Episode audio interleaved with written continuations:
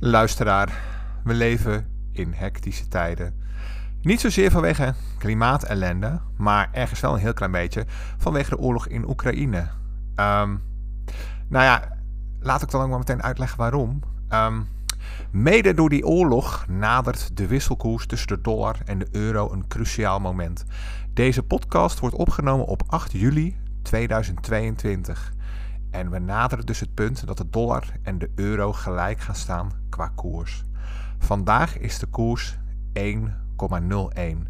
Dus voor elke euro krijg je 1 dollar en 1 dollar cent. Dat is echt waanzinnig weinig. Wat het ook inhoudt, is uh, dat natuurlijk het onvermijdelijk is dat de prijzen gaan stijgen. Um, in Nederland heeft de grootste distributeur van Amerikaanse comics, genaamd PEP, al aangekondigd dat uh, de prijzen vanaf volgende week, dus dat zou de week van 11 juli zijn, die prijzen omhoog gaan. En het zit natuurlijk dicht in dat België volgt.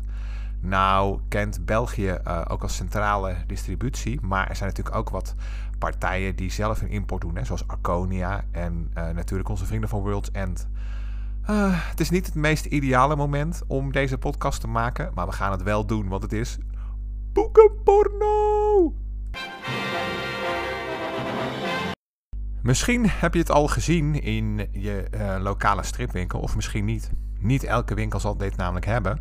Maar um, er is uh, een nieuw initiatief ontstaan. Marvel is een samenwerking aangegaan met de beroemde Engelse uitgever Penguin Random House. Niet toevallig ook de partij die tegenwoordig een distributie doet. Penguin is een heel prestigieuze Engelse uitgeverij. Um, als je wel eens een, een, een, Engels boek hebt gelezen, uh, dan heb je ze misschien gezien. De wat kleinere boekjes met zo'n pingwingetje op de zijkant of soms op de front. Front, hoor mij, de voorcover. en, en, en ja, weet je, het is in, in Engeland is het toch een beetje een soort kwaliteitslabel. Ze geven vaak in hun klassieke reeks allerlei bekende oude boeken uit, zoals bijvoorbeeld De Odyssee van Homerus, Moby Dick. Ehm, de avonturen van Huckleberry Finn, Sherlock Holmes, nou ja, noem maar op. Deze uitgever uh, is een samenwerking met Marvel aangegaan. In 2022 is het natuurlijk 60 jaar geleden dat Spider-Man um, debuteerde. En dat heeft ze daar een beetje aan het denken gezet. Want um, met bijna 100 jaar in de pocket mag je inmiddels ook zeggen dat de Marvel Comics een soort klassieke status hebben verworven. En dus verdienen ze een plekje in de collectie van Penguin. Ze hebben um, drie boekjes uitgebracht, of ik moet eigenlijk zeggen boeken, die ook zijn vormgegeven als oude klassieke hardcovers met een neutrale gekleurde cover met gouden opdruk. De eerste drie boekjes, of boeken, gaan over Captain America, Spider-Man en The Black Panther. Um, wat grappig is, is um, in deze uh, boeken hebben ze gewoon een hap genomen uit de vroege jaren van deze personages en een soort collectie gemaakt van uh, een aantal verhalen die een inkijk geven in de, uh, het karakter van een personage. Als jij dus een stripliefhebber bent en je wil bij wijze van spreken 30 nummers achter elkaar lezen, dan moet je dit niet hebben. Maar wil jij een inkijkje in de, uh, per, in de persoon, in de persoon van de held, dan moet je dit hebben. Um, ze hebben bij Penguin de redacteur, of redacteur, uh, een, een, een, redelijk bekende professor gevraagd om um, een beetje de redactiewerk te doen. Dat is Ben Saunders en hij uh, geeft Engels aan de Universiteit van Oregon. Um, om een goed voorbeeld te geven, hij heeft uh, voor Captain America heeft hij een bundel samengesteld die bestaat uit de eerste comics uit de jaren 40. Hè, toen, ja, je zult misschien de cover gezien hebben van Captain America, die Hitler op zijn bek slaat. Nou, in de tijd was die comic natuurlijk bedoeld als propaganda. De jaren 40 waren de jaren van de Tweede Wereldoorlog. Captain America was uh, symbool voor het vrije Amerika, die de gore fascisten wel eens even zou laten zien wat vrijheid en democratie is. Deze bundel wordt ook weer afgemaakt met de eerste edities van Captain America uit de jaren 60. Daar zit ruim 20 jaar tussen en ehm, Captain America begon zijn, figuur, uh, zijn, zijn uh, carrière als een soort propagandafiguur. Maar in de jaren 60, uh, toen Marvel hem dus terugbracht, was het iets anders. Hij was nog steeds binnen de context van het Marvel-universum een symbool. Hè, maar hij was natuurlijk ook iemand die een groot conflict had overleefd. Die misschien wel een vorm had van PTSD.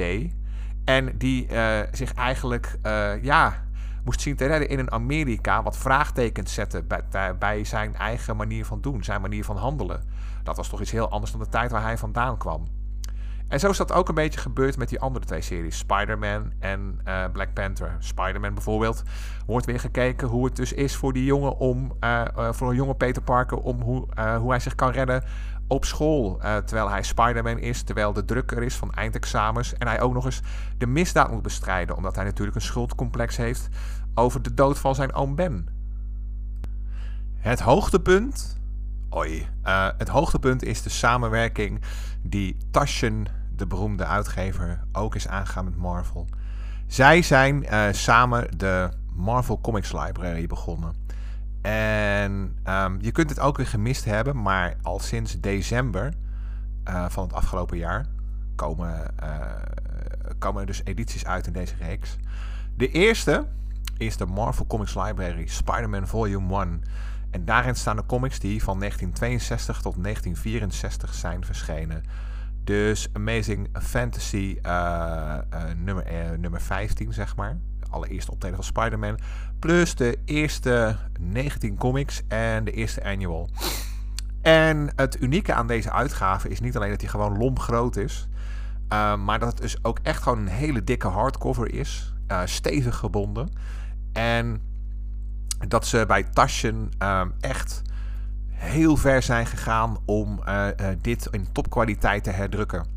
Deze comics worden bijvoorbeeld ook herdrukt door Marvel zelf. Hè? Um, er is deze week bijvoorbeeld weer Marvel Epic Spider-Man verschenen. Ik meen deel 17 met Sandman op de cover. En uh, die bevat bijna allezelfde comics, alleen dat is een Epic editie.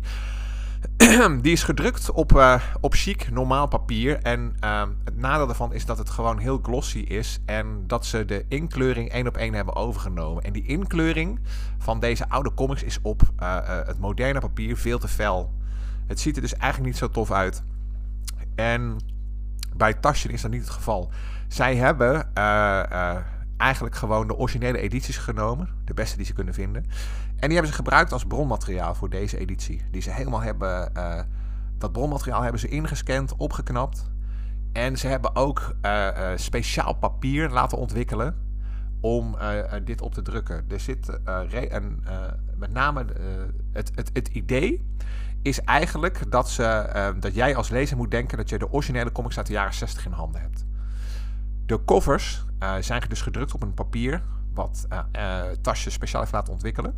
En uh, tussen die koffers hebben ze ook een heel duur papier genomen, wat heel erg aanvoelt als pulpachtig papier. Maar het is, het, het, het is tegelijkertijd veel chiquer. Um, er zit wel wat hout in, maar ook wat, wat kunston, kunststofonderdelen. En ja, het voelt heel echt aan. En het toffe daaraan is uh, is dat de inkleuring daar veel beter op werkt. Omdat je een hele chique uitvoering krijgt van de houtpulp die ze in de jaren 60 gebruikten. Dus het ziet er heel strak, heel vet uit. Veel beter dan wat ze in 1962 hadden gekund. Maar ja, tegelijkertijd, het, het is de, eigenlijk de ideale combinatie tussen het oude en het nieuwe. En het ruikt goddelijk. Um, de vraag is natuurlijk, het is natuurlijk wel echt voor bibliofielen. Um, de meeste mensen kennen Stan Lee natuurlijk als, als, als de gast die te pas en te onpas omtuikt in Marvel films. Hè. Veel mensen hebben die comics die hij ooit schreef nooit gelezen. Is het de moeite waard? Want deze comics zijn natuurlijk 60 jaar oud. Ja, op zich wel. Het punt is, um, Lee schreef altijd vanuit zijn onderbuik. Dus de verhalen zijn heel primair. Ze, ze, ze, ze, ze haken in op emoties die iedereen nog zal herkennen. Ook al is de setting eigenlijk de setting van gisteren. Qua sfeer doet het mij zelf altijd heel erg denken aan een, een serie als Happy Days. Nou zal het niet veel mensen ook nog iets zeggen. Ik ben natuurlijk iemand die is opgegroeid in de jaren 80 en toen werd dat te pas en te onpas herhaald. Het is de grootvader van Friends. Maar uh, als jullie ooit een Windows 95 CD hebben gehad, daarop uh, had je de band Weezer. En uh, daar stond een video op van de band Weezer, Buddy Holly. En dat is een beetje in diezelfde setting opgenomen. Als je daar iets bij voor kunt stellen, dan kun je je ook enigszins voorstellen hoe het is om deze comics te lezen. De voorbije week is er overigens ook op hetzelfde formaat een editie verschenen van The Avengers. Waarin dus de eerste 20 Avengers comics staan die getekend zijn door Jack Kirby en geschreven door Stan Lee.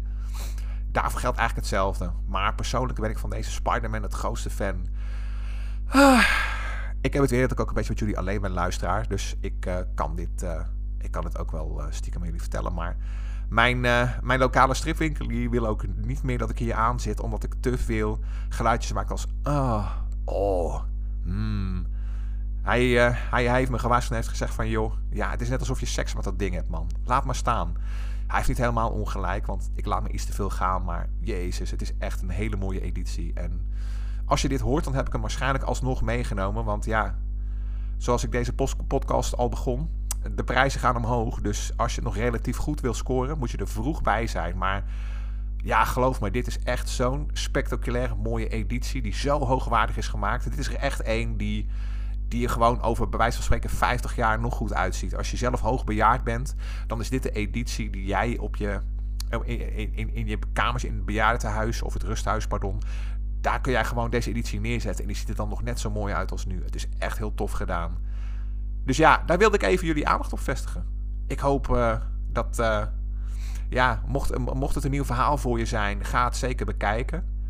En ja, mocht het geen nieuw verhaal zijn, dan heb je het misschien zelfs al dan, dan ja, weet je, dan, dan, dan begrijp jij als geen ander wat ik bedoel. Nou ja, goed. Voor nu eh, eh, ga ik uh, afscheid nemen, maar niet voordat ik gezegd heb dat we binnenkort terugkeren met een extra gevulde podcast waarin ik samen met Jason en Jeroen ga spreken over hele verse vis en Poppy natuurlijk. Maar ja, die twee diva's, voordat je ze eens een keer bij elkaar hebt, dat duurt maar en dat duurt maar. goed. Lieve luisteraars, het was me genoegen. Ciao.